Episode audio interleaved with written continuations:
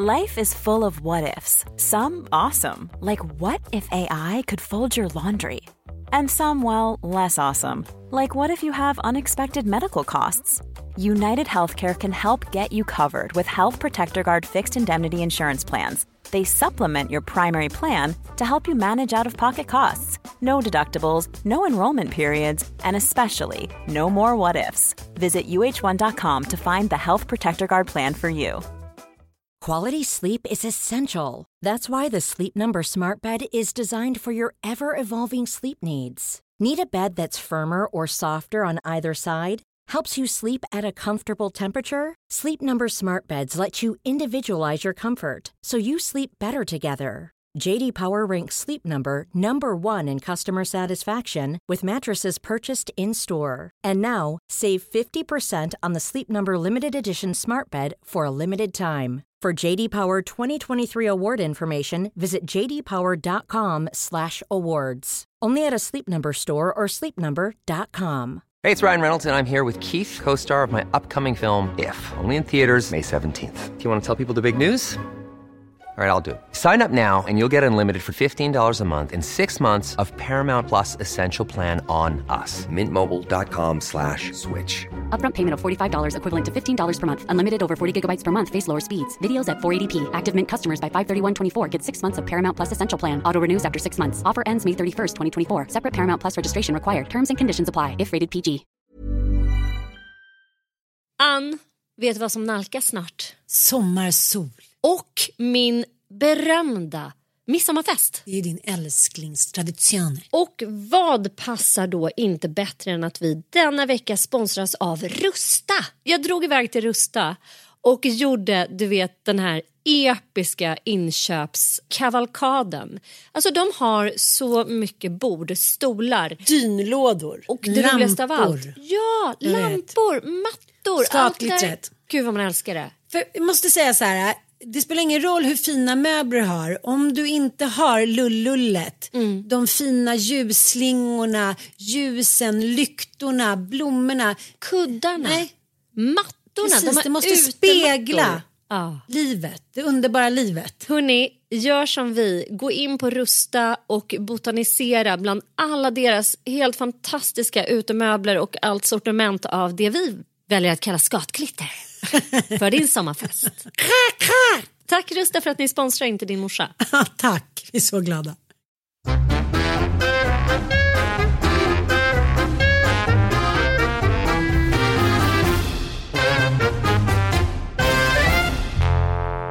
Välkomna kära lyssnare till The Midsummer Edition av Inte din morsa.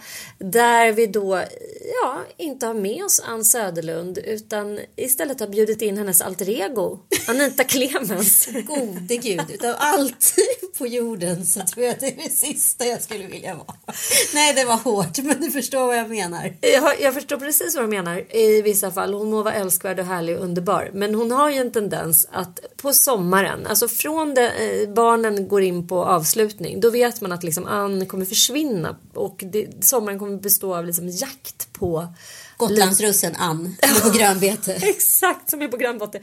Och beter sig så här uh, undvikande. Och det som också händer då, vilket är, tycker jag, tråkigt, det är att man eh, får inta den här tråkiga morsa-rollen. Jag hatar den. Vi är ju inte så mycket så egentligen. Nej, Och jag skulle säga att jag är liksom rätt fed up på hela den rollen bara i egenskap att man faktiskt är en tråkig morsa till sina barn.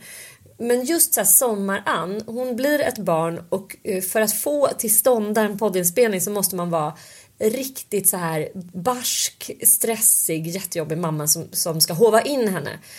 Och det är inte lätt. Nej, jag vet att jag satt mitt stora Ann-trauma eftersom vi ändå har en liten debriefing session här. Det var i Turkiet någon sommar och hade vi också liksom, var första liksom pionjärtestet på att göra de här poddarna bakom betalvägg. Det här är alltså typ 7-8 år sedan. Och det skulle poddas då två gånger i veckan på en semester. Det hör jag ju själv, det är en dålig idé. Speciellt med en kvinna som är på Gotland och fri. Ja. ja, det är också väldigt frustrerande att hon gärna tackar ja. Hon har liksom en, som, en, som en impulsstyrning som inte existerar. Och då säger hon ja till allt för hon tycker allt låter kul.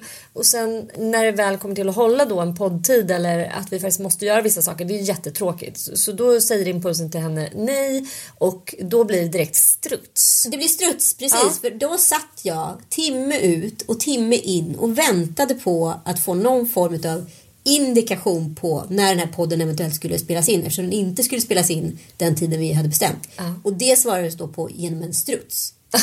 det vill säga inte alls. Inte alls. Så liksom en hel liksom, Turkiet semester på liksom tre veckor gick ut på att vara extremt frustrerad över Hans Söderlund. Ja. Och sen där så är det liksom ett lite så här semesterantrauma. Men vi älskar henne ändå. Det gör man, man älskar henne. Och ni kanske har märkt det här i undertexter att man ibland kanske är lite frustrerad. Och det roliga just nu, vi tycker inte att det här är ett dugg konstigt men vi vet alltså inte vart Ann är. Nej, vi har ingen aning. Nej, vi vet inte när hon kommer hem heller. Alltså vi vet inte vad hon gör. Nej. På riktigt vet vi inte det sen tio dagar tillbaka. Är hon försvunnen? Och jag pratade med hennes barn och de Ja. hade inte heller någon aning. Nej, och jag ringde till Mattias då. Ja. Hade ingen aning. Han sa, jag tror att hon kanske kommer hem på söndag. Ingen vet, men ingen är uppenbarligen orolig heller. Så att så här, Nej, nej. Det är bara liksom en, en, en, klassisk Ann-situation. Så kan vi väl säga.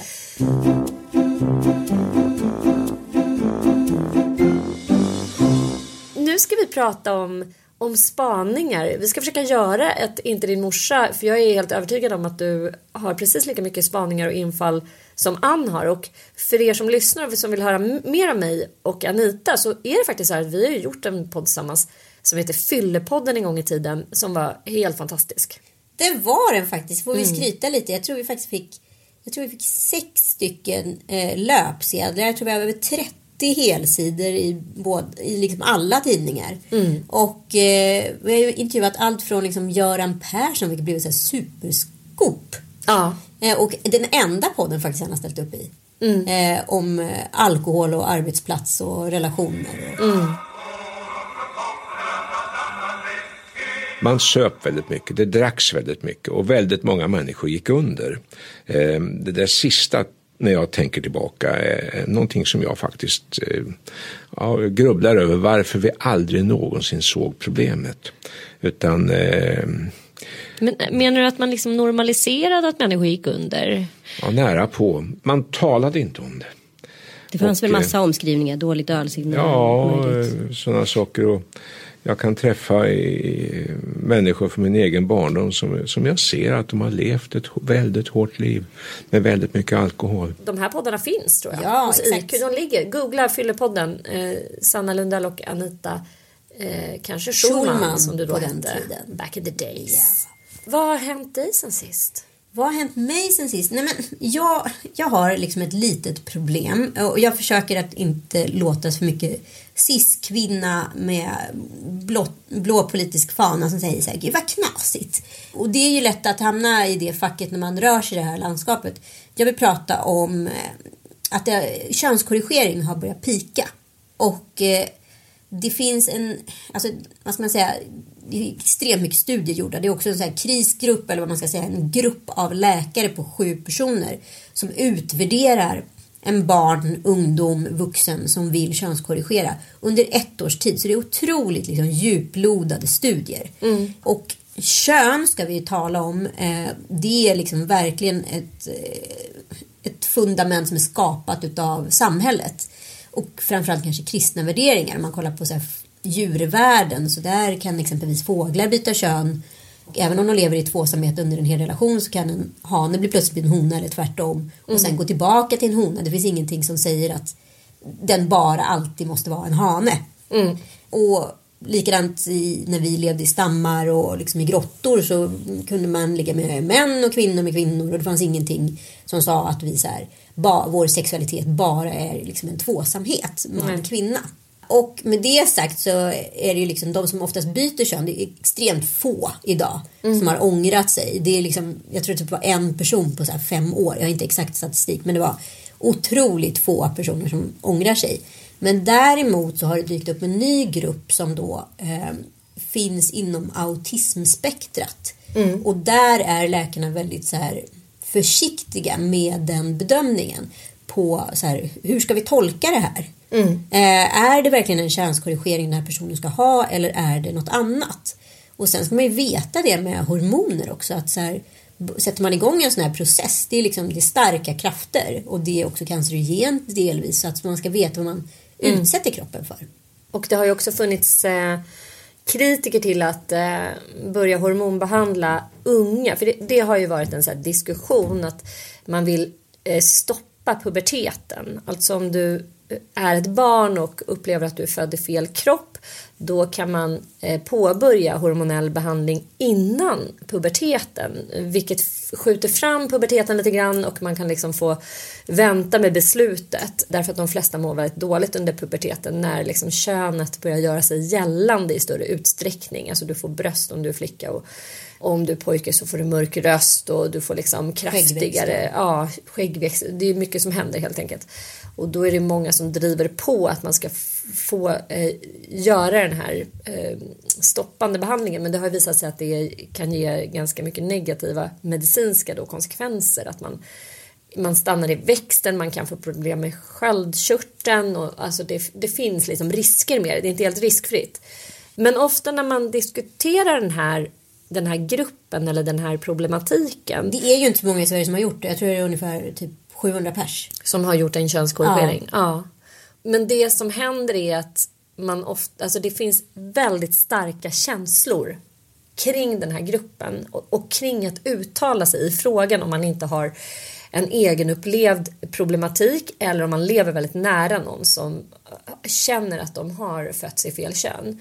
Och det gör att det blir så här lite, du vet att man inte, man bara går- runt på krossat glas och man är så här, "Ja, okej, nej men jag behöver inte alls, och jag känner helt ärligt så här, nej jag tycker ingenting om det här. Jag, eh, Nej, det är ingen värderingsfråga. det är ingen värderingsfråga för mig. Men det är fortfarande så läskigt område. Verkligen. Och jag har en fulla respekt och det jag tänker lite grann på, eh, för jag gjorde faktiskt en dokumentärserie för TV3 Dokumentär som handlade om könskorrigering, alltså transpersoner och det finns ju många olika sätt att hantera den situationen. Vissa personer känner absolut inget behov av att operera bort kroppsdelar eller att operera till kroppsdelar.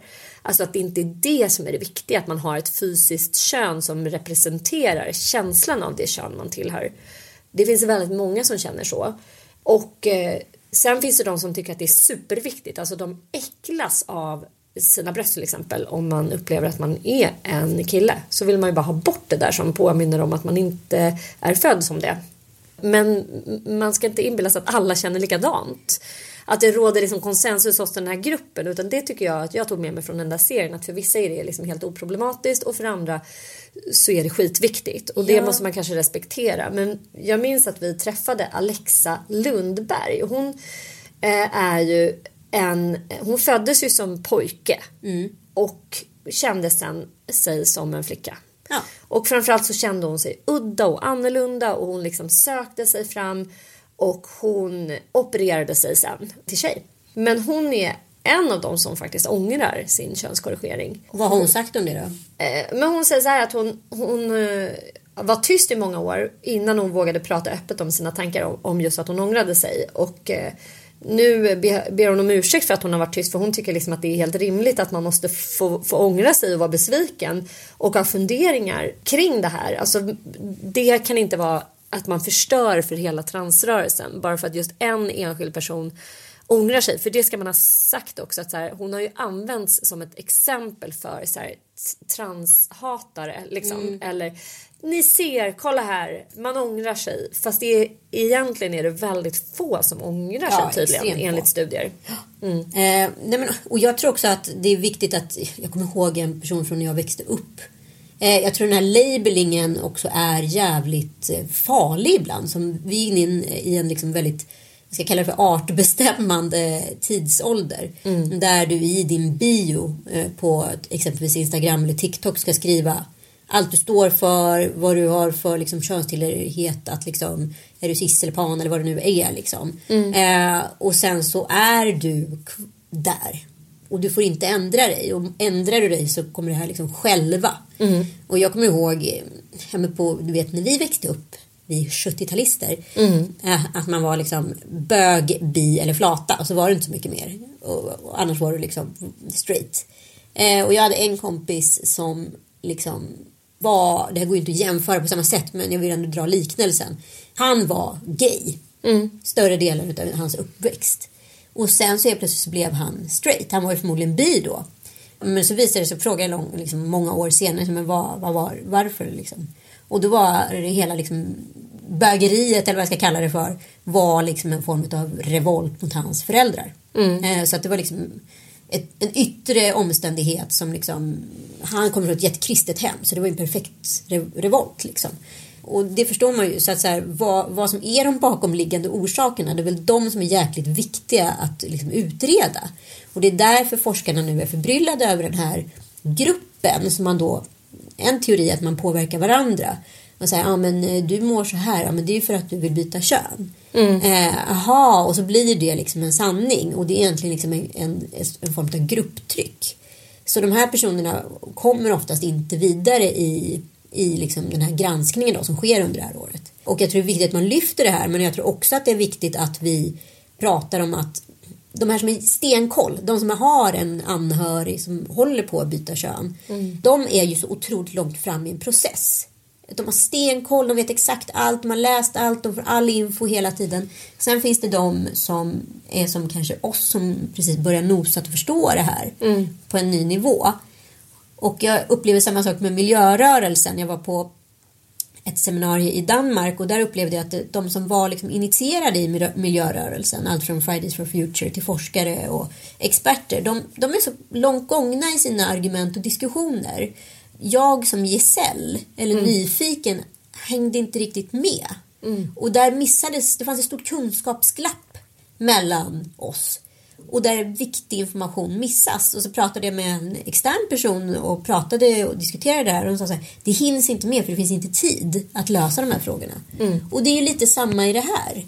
Om det inte hinns med, hur ska man då kunna avväpna den här frågan? Om det här kunskapsglappet finns.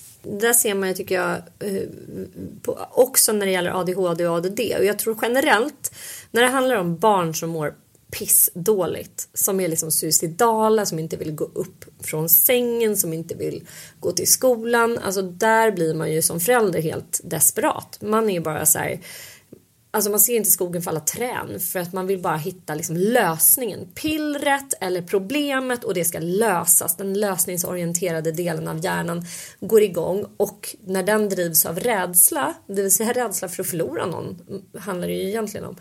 Då blir man lite så här tunnelseende, att man liksom har väldigt svårt att se perspektiv och man har väldigt svårt att se konsekvenser längre fram. Man skiter typ i det.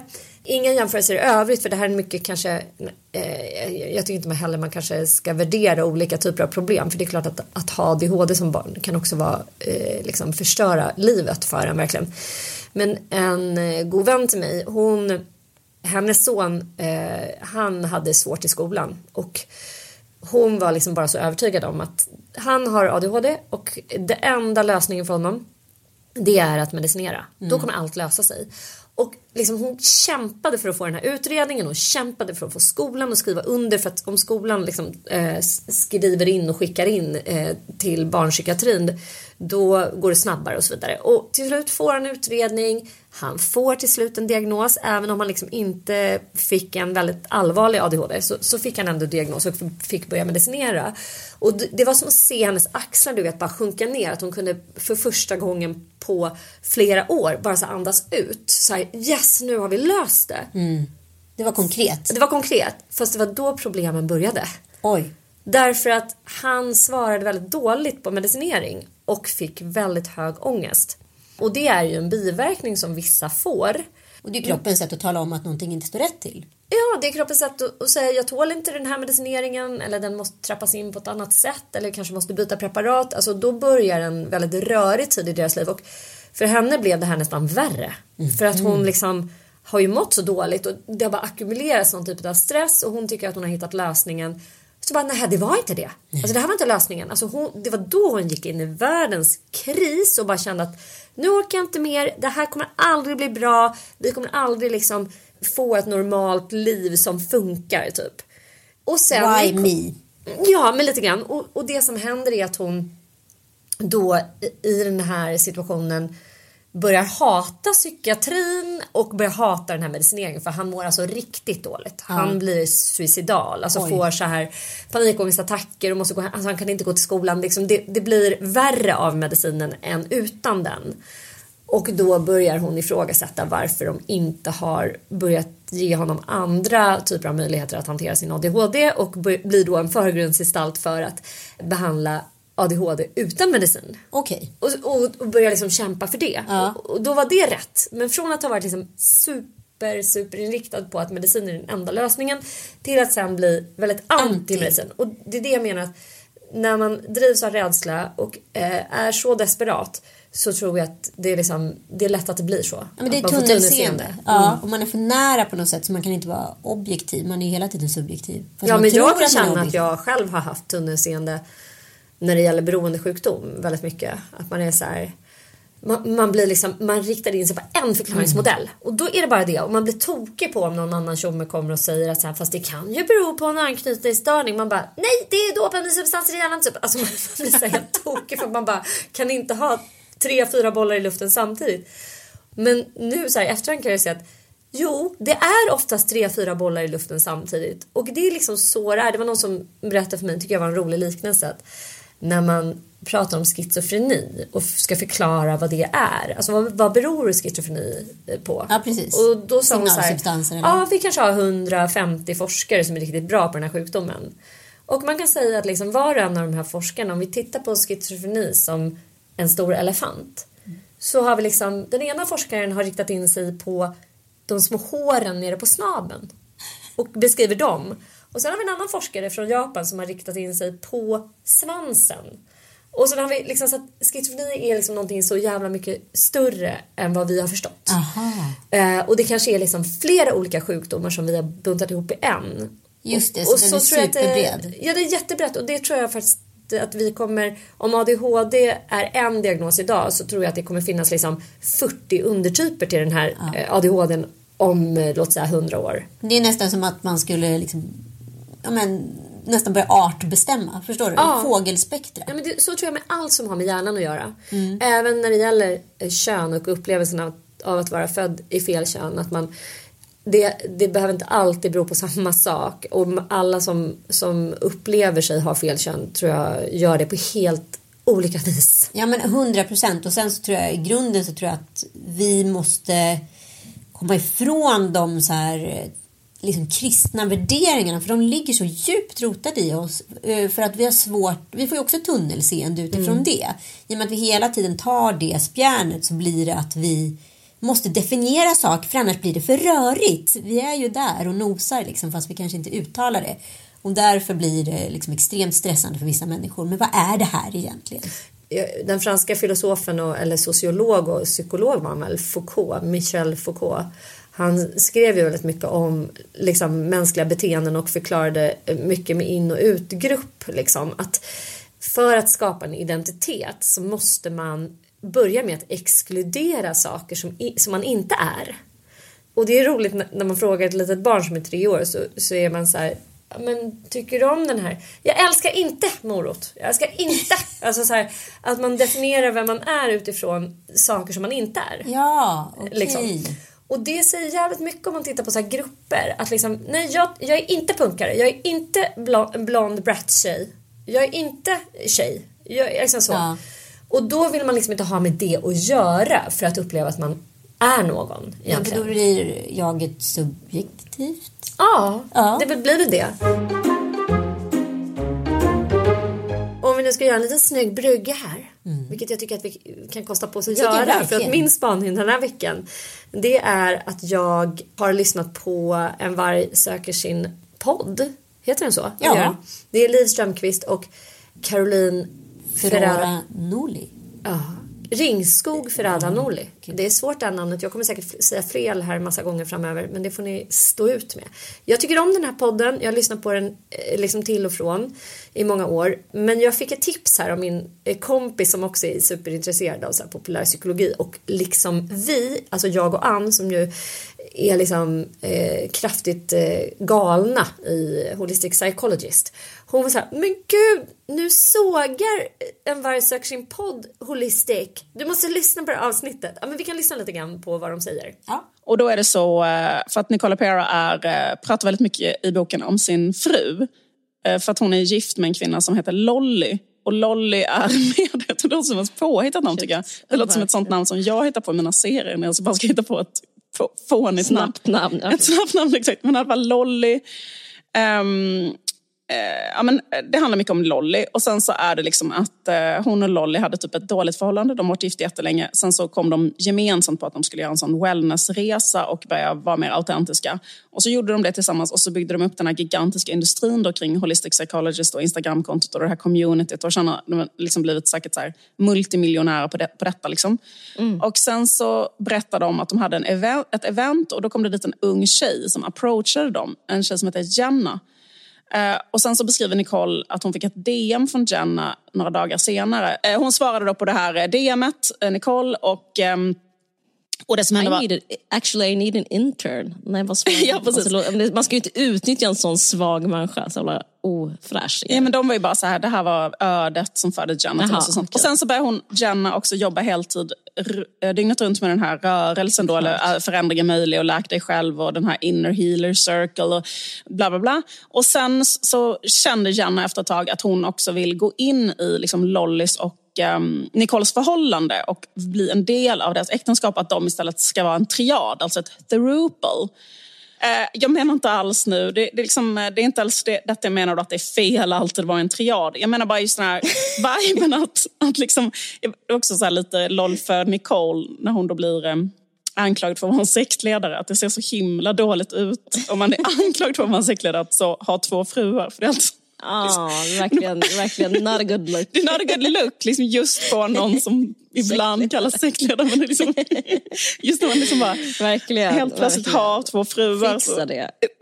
Ja, men det var bara liksom en, det är liksom inte alls säkert att det är dåligt, det bara ser dåligt ut. Alltså, Ja, det, är liksom, För jag bad dig lyssna på det här avsnittet. Ja, jag lyssnade på avsnittet eh, och ja, nu kan jag bara vara liksom med ris- hög risk för att låta lite raljant. Det är verkligen inte meningen. Men jag jobbar väldigt mycket med ljud och podd och liksom kvalitet.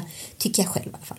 Eh, och jag har väldigt svårt att ta mig igenom de här avsnitten på grund av deras liksom rätt tafatta produktion. Får man säga så? Ja, det får man. Eh, De för- sitter ju ändå på en stor tidning liksom. Ja, exakt. Och jag, jag förstår liksom inte varför det måste slamra och bullra så mycket och det ska liksom, Ätas. Det äts och det mumlas och det klipps inte speciellt mycket. Eh, och jag kan ju tycka att så här, det konstnärliga höjden för en kulturkvinna borde vara rimligen lite högre. Om man nu vill framföra så pass eh, liksom, intressanta budskap och spaningar och teser som de många gånger tar sig an. Eh, så jag, faktiskt, jag gillar konceptet men jag har svårt att eh, ta mig igenom. Med det sagt så, jag har ju inte varit helt liksom inne i det här holistic psychologist-landet som du och Ann har varit. Sen tycker jag att liksom hennes quotes är liksom jävligt ibland hjälpande. Små liksom, mikro-KBT-tips. Eh, och det har jag verkligen uppskattat. För ibland så är det väldigt träffande. Och man bara säger ja, fan så är det. Så där skulle man ju, så ser den arbetsmodellen ut. Eller, eh, det där var en nyckel för det där som jag alltid håller på att stångas med. Liksom. Eh, men sen tycker jag hennes filmer är rätt banala. Ja, men alltså fruktansvärt banala. Det är där hon har börjat tappa mig. Och jag kan bara säga det om det mot all förmodan skulle vara någon i hennes team som lyssnar att liksom sluta göra de här filmerna bara. För att de är inga duktiga skådespelare och det blir liksom jättepatetiskt för det är som att de spelar upp små skolpjäser för ett, en skock liksom jätte som är Och det känns mest att de gör det för sig själva. Ja, de har så kul när de gör det. Och de får klä ut sig lite grann och hon får göra tofsar. Och Det var ju tre kvinnor lite i en och samma relation nu. Ja, de, de, det är också någonting som tas som eh, Liv Strömquist och eh, Caroline, att de tycker att det här är sektistiskt. Eh, det, de har ju för sig liksom, humor-touch på det här och det stämmer ju att Holistic Psychologist, Nicole Pera som hon heter, hon är ju ihop med Lolly, det är hennes partner. Hon lever i en lesbisk relation tillsammans med Lolly. Och Lolly är väldigt osynlig. Hon vill inte vara liksom offentlig. Men det är de som påbörjar resan mot helande tillsammans. För Holistic Psychologist är väldigt trasig när hon träffar Lolly. Men i takt med att de sen bygger då enligt Liv och Caroline den här sektliknande rörelsen som finns på Instagram med self-healers så dyker det upp en annan människa som vill joina och jobba för dem. Och då eh, hoppar då den här tre, treparten in i, spelet och skriver till dem Hej, jag känner mig dedikerad, jag vill, liksom, jag vill underkasta mig, alltså hon kanske inte uttrycker sig riktigt så, men hon vill in i det här teamet och jobba för den här otroligt viktiga rörelsen. Och sen blir det ju som det blir att Holistic Psychologist i sann sektledaranda då Blir det lite förstör henne. Ja. Och det blir liksom helt plötsligt att hon har två fruar. Otroligt. Och det pratar ju de ganska öppet om att ja, det gick inte att förhindra och vi vill testa att leva i en threesome typ, ja, liksom så. Ja, och jag kan ju på ett sätt tycka att det är supermodernt och jättespännande. Jag vet liksom eh, en gaykompis till mig, han lever med två pojkvänner. Han är lite äldre och sen har han levt med sin ena partner i 25 år och så plötsligt dök den här unga härliga hunken upp och eh, bara säger jag är så kär i dig så jag kan inte leva utan dig. Hej. Och jag vill ju inte göra slut med honom som jag lever med så låt oss göra det alla tre.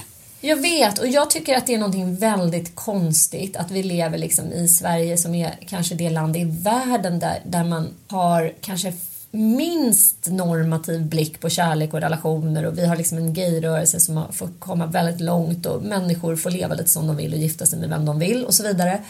Jag tycker det är konstigt att inte fler ser möjligheter i det och jag väntar spänt på när jag ska få träffa någon som lever ihop med en kompis. Ja, Och gud. då menar jag det här ekonomiska, för att det är som att bli kär i någon och sen bilda familj handlar ju faktiskt jävligt mycket om att så här, vi ska köpa ett hus tillsammans, vi ska köpa en bil tillsammans, vi ska dela liksom eh, Familjeföretaget. Ja, familjeföretaget ska byggas och det är väldigt mycket en ekonomisk eh, transaktion faktiskt. även Alltså om man jag skulle säga att det är det. 50 procent Men en relation är det är, det? en ekonomisk transaktion. Man, och det är mycket lättare att leva två än en. Alltså Gud, ensamhushåll är ju svårt. Liksom. Du, du har inte råd att köpa lika stora lägenheter och du kan inte köpa bil. Alltså det är mycket som blir mycket Och så dyrare. Upp, uppenbart också när man blev singel, eh, Mm. det var väldigt kort tid men blev ändå singel och insåg liksom allt från att installera ett wifi till att så här, ta hand om allting som har med en typ en förskola eller skola att göra Mm. på en varannan vecka när du också ska jonglera jobb och någon form av socialt liv och kanske lite träning Mm. är absolut hopplöst. Jag, jag vet, det är skitsvårt. Så man undrar ju bara varför två bästa kompisar, varför bara köper de inte ett hus ihop och har sina barn tillsammans och så bara kan man träffa karlar som man vill. Exakt. Hade jag fått leva om mitt liv så tror jag baske mig att det hade kunnat vara ett bra alternativ. Jag tänker fortfarande att det är ett alternativ fast plus 60 kanske. Ja, det har ju Ann och vi har varit inne på det att så här, vi borde köpa ett hus i typ Italien någonstans och sen så lever vi en härlig ålderdom där tillsammans. Exakt. Alltså det skulle vara så nice tror jag. Ja. Nej, men jag, jag, jag är helt Det är med det på det. vi gör. Det är det vi ska göra. Kvinnokollektivet i Italien. Men tillbaka till Liv och Carolina. Ja, tillbaka till dessa kvinnor. Dessa kvinnor som definierar sig. Men det- alltså, jag gillar dem. Men jag kan säga också att i hela mitt liv så har jag haft väldigt svårt för den här typen av kvinnor som är väldigt utpräglat så här, Jag kulturvänster. är inte Amelia kvinna. Ja, jag är inte Amelia-kvinnan och jag lever på mitt kulturella kapital och min bildning och då måste jag också göra mig lustig över människor, alltså kvinnor som har valt en annan väg i livet. Det vill säga Åh, jag var söt. Jag bygger mitt så här, brat-kapital här, sexuella kapital eller jag jobbar som en streber eller jag har lite blåa värderingar eller vad det nu är. Alltså den typen av hat som vänsterkvinnor kan leverera. Det är- det är en extrem liksom, elitism. Mm. Alltså, jag In tänker the på, name of att man är någon slags underdog, vilket de inte är. nej, de är ju såna superöversittare. Och liksom, ja, de kanske inte fick, fick, nu ska jag inte säga verkligen inte alla och generalisera, men många av dem kanske inte fick den här uppenbara liksom, skönheten. Nej. Men då ser man till att alliera sig med liksom, den store kulturarbetaren eller författaren eller Mm. konstnären. Och sen är man liksom i den personens nav, posse, musa etc. Och då sitter du med liksom otroligt liksom stort kulturellt kapital. Ja, och, det makt. finns en väldigt stor makt i det.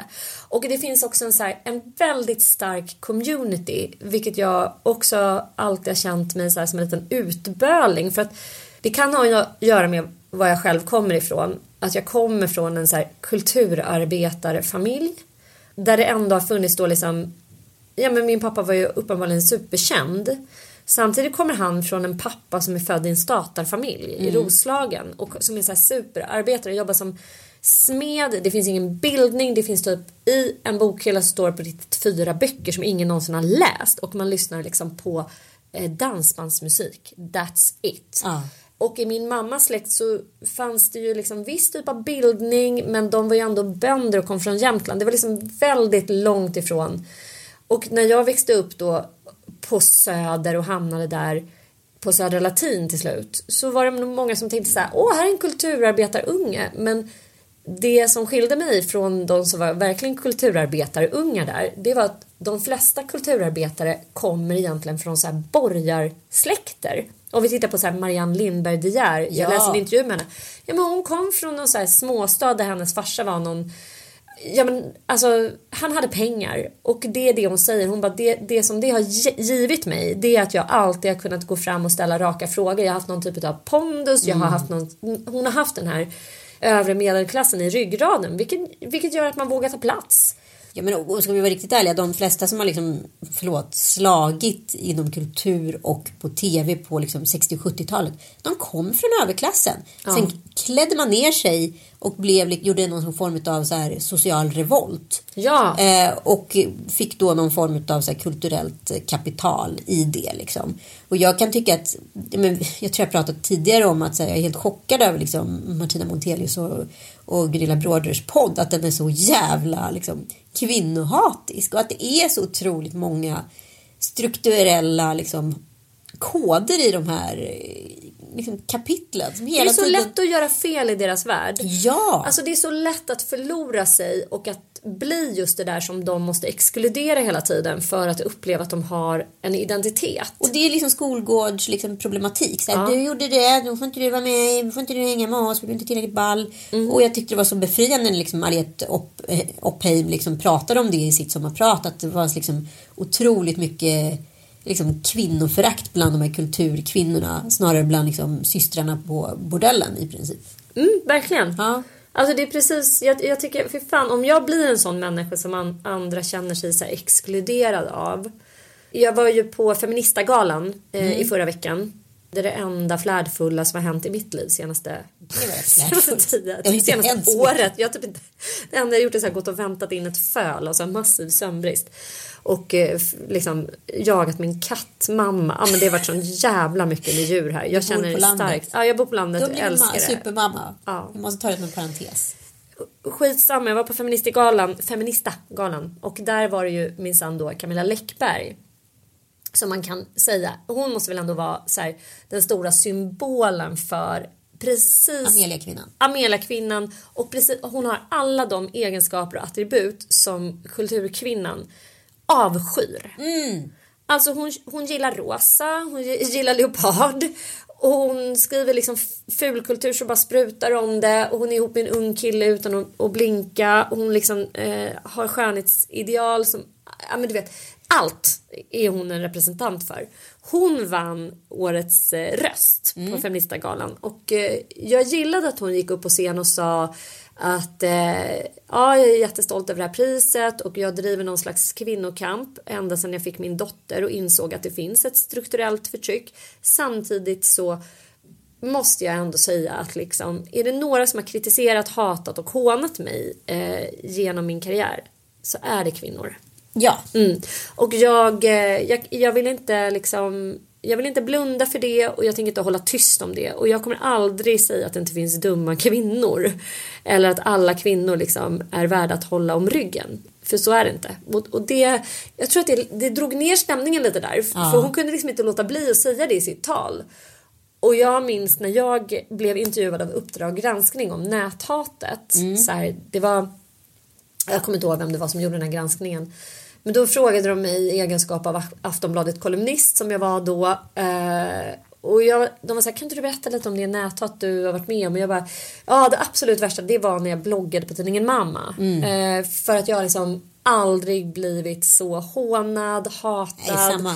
100% samma. Ja, och de var så här, eh, fast kan vi liksom inte prata om just det? Kan vi prata mer om de här, så här SD-arna som är Du vet, jag bara, nej, Det kan jag faktiskt inte göra för att det här är det som verkligen var. Visst att jag fick så en och annan liksom känga av extremhögern Ja, ja. men det var liksom Ja, det alla fått. ingenting i jämförelse med det hat som jag utsatts för som en liten så här oskyldig bloggare på mamma. Jag kan säga när jag bloggar på mamma. Eh, allt ifrån rena dödshot av kvinnor för Herregud. orimliga saker. Alltså orimliga saker, förlåt Kirsti Domita.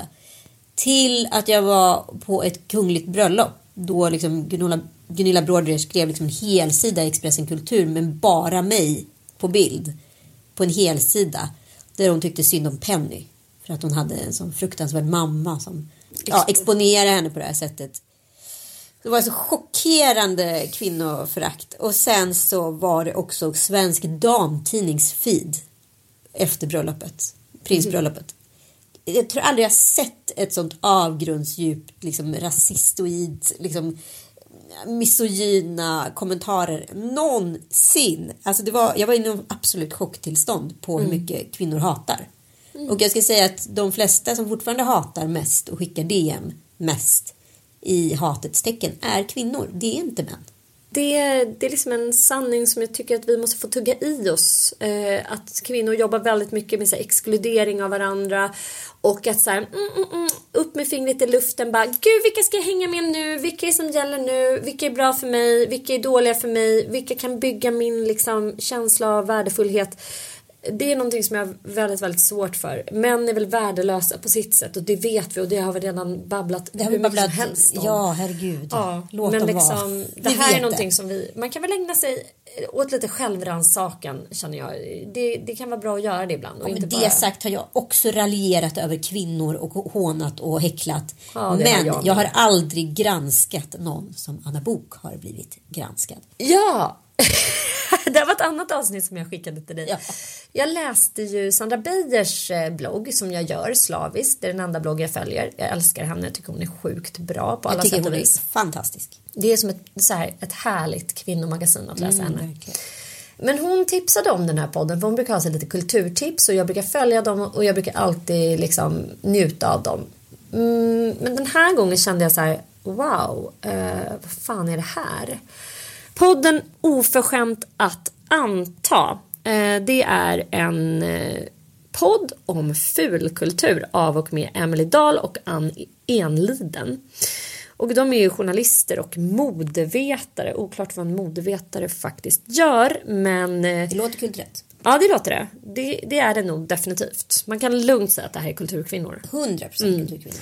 Och till en början så kände jag så här, fy fan vad roligt. De ska alltså sitta och analysera Anna Boks liksom öden, äventyr och galenskaper. Som ett fenomen. Ja, som ett man. fenomen. Ja.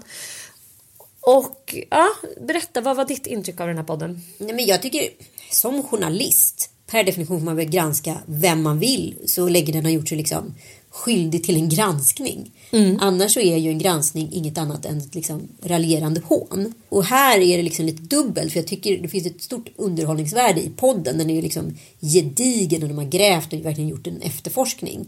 Men, eh, men det finns också liksom det finns små passager där de då lägger in små egna värdeord och citat och så här, mm, då man hör att det verkligen ja, jag tror översättningen enligt eh, Svenska Akademins ordlista på ironi är dolt hån och det är precis exakt det man känner i de här passagerna. Det är svårt att dölja det där hånet. Jag vet inte, det är liksom lite så här små bitter eftersmak. Sen är ju Anna Bok liksom ett fenomen som är jävligt spännande. Men med det sagt så säger de att det är den mest önskade podden de har eh, fått den här säsongen. Säsongen började i februari. Samtidigt en av programledarna liksom är helt besatt av Anna Bok och varit det under lång tid och också klätt ut sig till hennes Instagram som hon själv då citerar som var briljant. eh, på en maskerad. Eh, så det är svårt att veta om det verkligen är den mest efterfrågade podden eller om det är liksom en personlig önskan att få granska Anna Bok. Nej men alltså jag gick in eh, som sagt i den här lyssningen och bara åh nu ska jag få något smaskigt härligt, vad kul. Eh, och jag tänkte först är det lite grann som en så här se och hör känsla, du vet att man bara åh lite skvaller, nice. Men efter en stund så känner jag liksom så här, vad är syftet med det här? För att det här är alltså en granskning och, och de tilltaget med podden, de har ju bland annat då gjort ett avsnitt om Mikael Brinkenstierna. Han som körde lite så här barturnéer med dokusåpa-kändisar. De har gjort ett avsnitt om Linda Rosing. Det är liksom inga eh, finkulturkvinnor. Nej. Kulturkvinnor utan det här är liksom Det är 100% ful fulkultur. kultur. Ja. Eh, liksom, ja, sliding doors mellan Linda Rosing och Carolina Gynning. Där Ja. ser man ju verkligen hur liksom, ett arbetararv och den bakgrunden påverkar hennes karriär åt ett helt annat håll jämfört med Gynnings. Verkligen. Och det som är lite kul det är väl tilltaget att de granskar det här precis som att haveristerna granskar liksom en makthavare. De har permar av research och de lägger fram det som att de har så här, ja men det är Uppdrag granskning. Det är liksom Anna Book ska granskas och nagelfaras. Men Det känns som en Problem- crime-podd. Alltså, det är Ja en det är som crime case. podd. Så här, man bara hur är det möjligt liksom att Anna Boks pappa det finns fem olika stories om Anna Boks pappa. Och det där tyckte jag blev lite drabbad av. För jag kommer själv ihåg då som adopterad, det vill säga föräldralös, men ändå med nya föräldrar. Att man, när man var liten och hade liksom olika så här strukturer och modeller, man får alltid den frågan, ja, kan du berätta om din adoption? Alltså i princip på varenda middag du kom på under hela din uppväxt. Ja. Så ville du ha en bra story. Och Ja. den kunde saltas ibland, den kunde dras ifrån lite ibland. Det beror på vem som satt i rummet. Mm. Så det beror lite på vem som ställde frågan. Fick den en version som passade den? Ja, vilket inte är något konstigt alls. Alltså, det är beror ju på vem som frågar så här, hur har du vuxit upp? Ibland är man inte dugg jävla sugen på att berätta om sin trasiga uppväxt. Så, nej men jag växte upp i en villa i Nacka, det var jättemysigt. Det var ett Eh, superbra sätt för mig att bli intressant. Och Anna behövde en story för att hon skulle göra liksom en... karriär. Exakt. Och hon var så här, växte upp med sin mamma i en förort i Stockholm, alltså Skärholmen och så här, var en nobody och hennes mamma var inte heller någon speciellt, alltså hon hade en, en talang Anna Bok men det, that was it liksom. Det fanns ingenting annat med hennes bakgrund som var intressant. Förutom att hon hade en spansk pappa. Som eventuellt var polischef.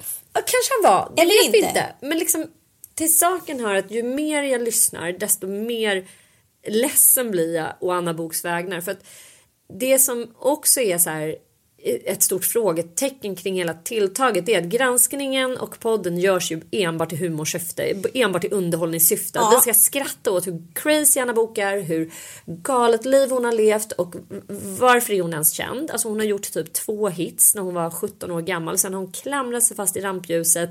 Gör galna Med liksom- Instagramsändningar live och Ja, alla. bukoperationer, eh, typ bantning, jojo-bantning, olika format, dokusåpaformat som hon har liksom stötts och blötts i och sådär.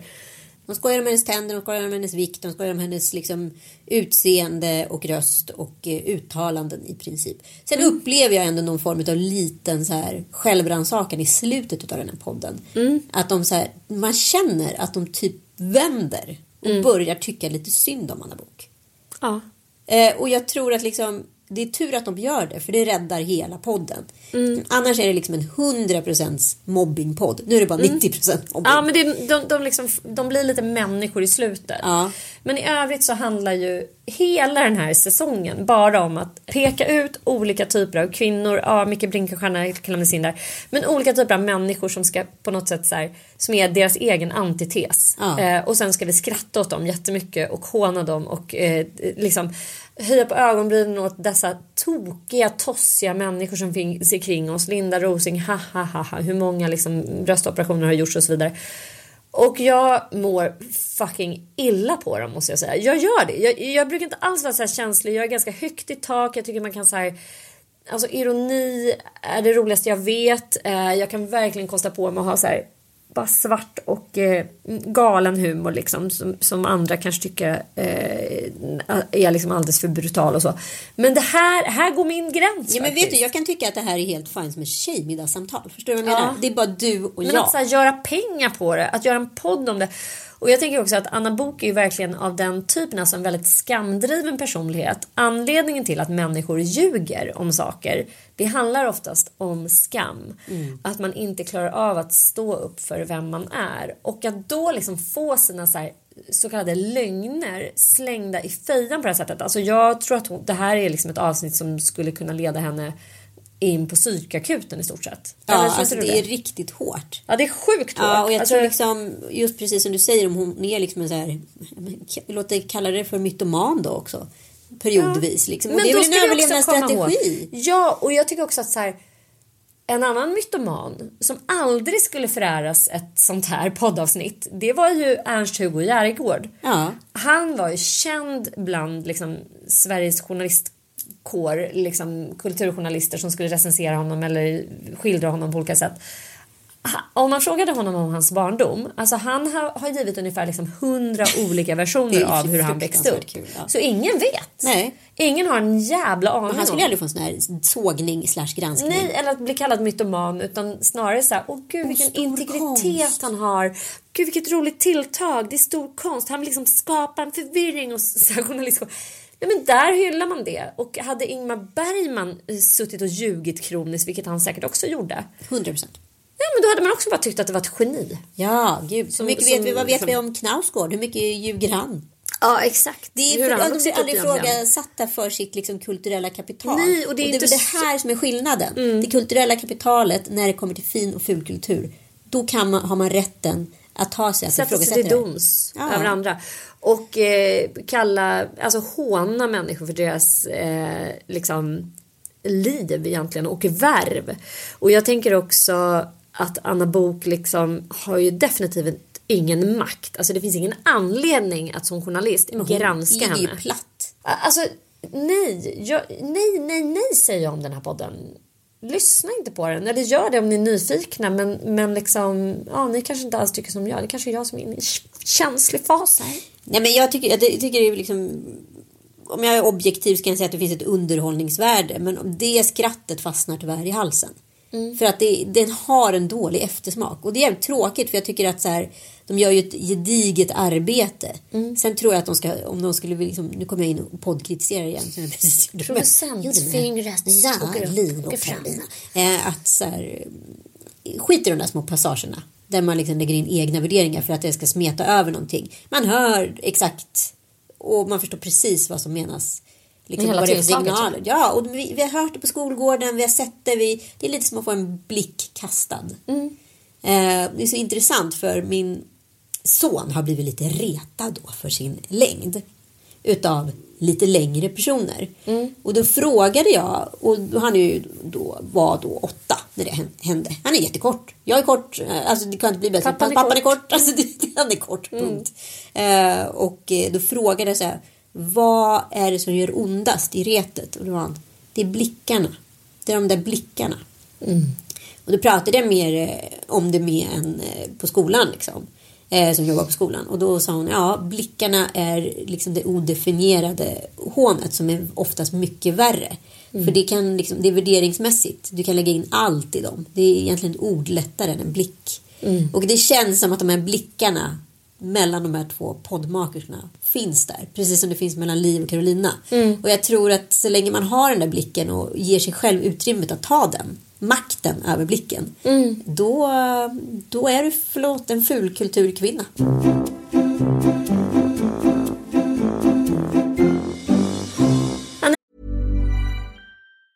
There's never been a faster or easier way to start your weight loss journey than with PlushCare. PlushCare accepts most insurance plans and gives you online access to board-certified physicians who can prescribe FDA-approved weight loss medications like Wigovi and Zepbound for those who qualify. Take charge of your health and speak with a board-certified physician about a weight loss plan that's right for you. Get started today at plushcare.com slash weight loss. That's plushcare.com slash weight loss. plushcare.com slash weight loss. A lot can happen in three years, like a chatbot may be your new best friend. But what won't change? Needing health insurance. United Healthcare Tri Term Medical Plans, underwritten by Golden Rule Insurance Company, offer flexible, budget friendly coverage that lasts nearly three years in some states. Learn more at uh1.com. There's never been a faster or easier way to start your weight loss journey than with PlushCare. PlushCare accepts most insurance plans and gives you online access to board-certified physicians who can prescribe FDA-approved weight loss medications like Wigovi and Zepbound for those who qualify. Take charge of your health and speak with a board-certified physician about a weight loss plan that's right for you. Get started today at plushcare.com slash weight loss. That's plushcare.com slash weight loss. plushcare.com slash weight loss. Quality sleep is essential. That's why the Sleep Number Smart Bed is designed for your ever evolving sleep needs. Need a bed that's firmer or softer on either side? helps you sleep at a comfortable temperature? Sleep Number Smart Beds let you individualize your comfort so you sleep better together. JD Power ranks Sleep Number number 1 in customer satisfaction with mattresses purchased in-store. And now, save 50% on the Sleep Number limited edition Smart Bed for a limited time. For JD Power 2023 award information, visit jdpower.com/awards. Only at a Sleep Number store or sleepnumber.com. Anita, vi ska runda av och gå och dansa lite kring stången ska vi göra. Och du ska till hem till ditt lilla föl. Det ska och jag. dina kattungar. Mm, kan du mina bara berätta lite kort? Jo, det ska jag. Det är liksom barnkammare ute på landet då. Det är myspys och det, det har ju varit en följetong här i vår podd att jag har jagat en höggravid katt. Jag har hittat henne eh, men ändå börjat då betvivla om hon verkligen är gravid. Eh, och då, för då visar det sig att jag liksom har fångat in henne när hon har fött ungarna. Så jag hade henne instängd i två dygn, ringer till min veterinär, gör videosamtal. Jag bara, hon känns inte tjock men hon har ändå tuttar och han är så här, men då är hon skendräktig. För skulle hon ha unga någonstans då skulle hon bete sig som ett galet djur där in- inne och liksom bara vilja smita ut. Det gjorde hon inte. Så till slut jag sa, ja hon är skendräktig, då släppte jag ut henne. Vilket eh, gjorde att hon bara drog iväg och försvann. Och sen kände jag bara, men hon kommer inte hem. Så då började jag liksom förfölja henne och se att hon springer ner till våra grannar. Vi har en liten by kan man säga med lite parhus som, som ligger en bit från oss. Och det var dit hon sprang hela tiden. Och så till slut ringer en kvinna från den här byn och bara, du, jag tror att din katt har fått ungar här. Nej. I ett hus som står tomt och eh, för att det är några som har eh, ja, inte lyckats sälja det. Och, och då står det tomt. Och där har hon passat på att föda sina ungar på deras altan. Och eh, då, så när jag hittade ungarna då var de redan, alltså ögonen var öppna så de var säkert tio dagar gamla. Och eh, sen har jag liksom fört en jämn kamp med eh, Pennywise. Hon heter Penny, Ja. din dotter. Att eh, få henne att acceptera att ha ungarna uppe i vårt stall. Och nu är hon äntligen liksom bara okej då. Men annars så bara bär hon ru- runt på den där så man bara får jaga. Bara, nej vad har hon lagt dem nu? Nej nu har hon lagt dem i liksom eh, sva- foder. Kan man, så, så, här, så jävla jobbigt eh, på alla sätt och vis. Det är gulligt men jobbigt. Och sen har jag då gått och fölvakat och väntat på min mm, hästsföl och det är ju skitmysigt. Ninna, eller? Nina ja. Ja. ja. och hon har hon har nu äntligen fått sitt föl och det är ju så här att eh, hästar är dräktiga i 11 månader. Men det är fullt normalt att föla en månad innan och fullt normalt att föla en månad efter. Det är ju sinnessjukt. Ja, så det är liksom ett spann på två månader som man måste så här, hålla sig vaken, hålla på med fölvak, alltså hela den grejen är ganska jobbig. Du är alltså, liksom utbränd. Ja, jag är utbränd. Du är ju själv som att du varit skendräktig. Ja, verkligen. Och nu är jag bara så här, men jag är väldigt glad över att ungen är, är ute nu, för då behöver jag inte vänta Och en månad till. bra. Och allt gick bra, hon är jättegullig. Åh. Mm. Ja men vad mysigt. Vad gör du på midsommar? Vi ska vara hemma, jag ska mysa med fölet, vi ska ha en liten liksom, midsommarlunch. Några nära och kära kommer hem och myser lite hemma men det blir litet liksom. Det blir skönt. Gud, Jag är utbränd som sagt. Du är utbränd. Får jag fråga en jobbig fråga? Ja. Spelar ni Ulf Lundell på midsommar? Det skulle vi säkert kunna göra. Det har vi inte gjort, men jag kör mycket Evert Taube. Jag är så här super, jag, jag älskar Evert Taube, men det är liksom aldrig någon som står ut med att man spelar honom. Nej, Men jag har en dag på året när ingen får liksom opponera sig. Då drar jag på min spellista med Sven-Bertil. Evert är ju liksom, han är plågsam. Det är så här, ja, det är, "Ah!" ja, det är mycket. Jag tänker också på den där stackars, stackars Karin, jag kan inte leva, jag kan inte skriva utan Karin. Så var han ute och knulla och så skrev han låtar om det och vad som hände på Pampa. Så fick hon sitta där och le. Ja, jag tror hon var så jävla glad att Sjösala brann ner. Ja, jag alltså. tror hon är skitglad för det och skitglad för att han, att han verkligen var... Neil Young har skrivit en låtrad som jag har hakat upp mig på. I'm a suitcase in your hallway. Ja. Det var väl, hon, hon var nog superglad att Evert var just en resväska i hennes hall. Verkligen. Han verkar faktiskt asjobbig. Ja, men Mm, jag har vad ska kompis, du göra? Nej, men jag har en kompis som har liksom hus ute på Yxlan. Och det är ju liksom Roslagens hjärta. Ah. Och de har en sån här riktigt Evert-midsommar varje år. Så det är så här Roslagslunch. Så kommer alla familjen och grannarna och så äter de lunch där ute. Och det är så jäkla härligt. Jag var där en gång. Men nu ska vi faktiskt till Vadstena i år och fira där. Och sen ska vi vidare på Bruce Springsteen i Göteborg. Så jag har en dröm-midsommar framför mig i mina mått mätt. Ja, jag ska också på Bruce fast på måndag. vad så jävla mysigt. Ja. Puss och kram alla som lyssnar. Ja, jag är Tack så för att jag fick vicka. Ja, det var så bra att vi löste det. Vi löste det. Det gjorde vi.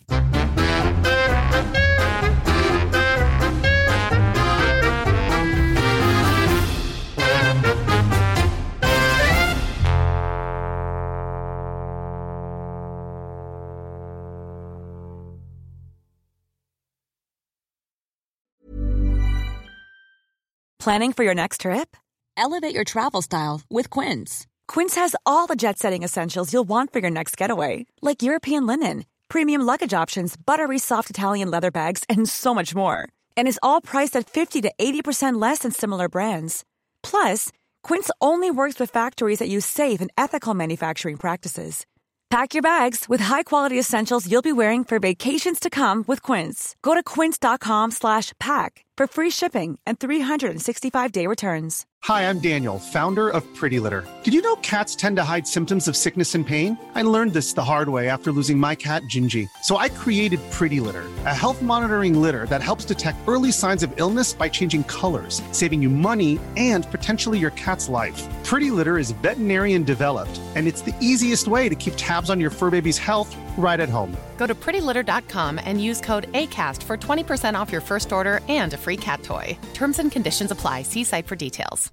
Imagine the softest sheets you've ever felt. Now imagine them getting even softer over time. That's what you'll feel with Bowl and Branch's organic cotton sheets. In a recent customer survey, 96% replied that Bowl and Branch sheets get softer with every wash. Start getting your best night's sleep in these sheets that get softer and softer for years to come. Try their sheets with a 30-night guarantee. Plus, get 15% off your first order at bowlandbranch.com. Code BUTTERY. Exclusions apply. See site for details.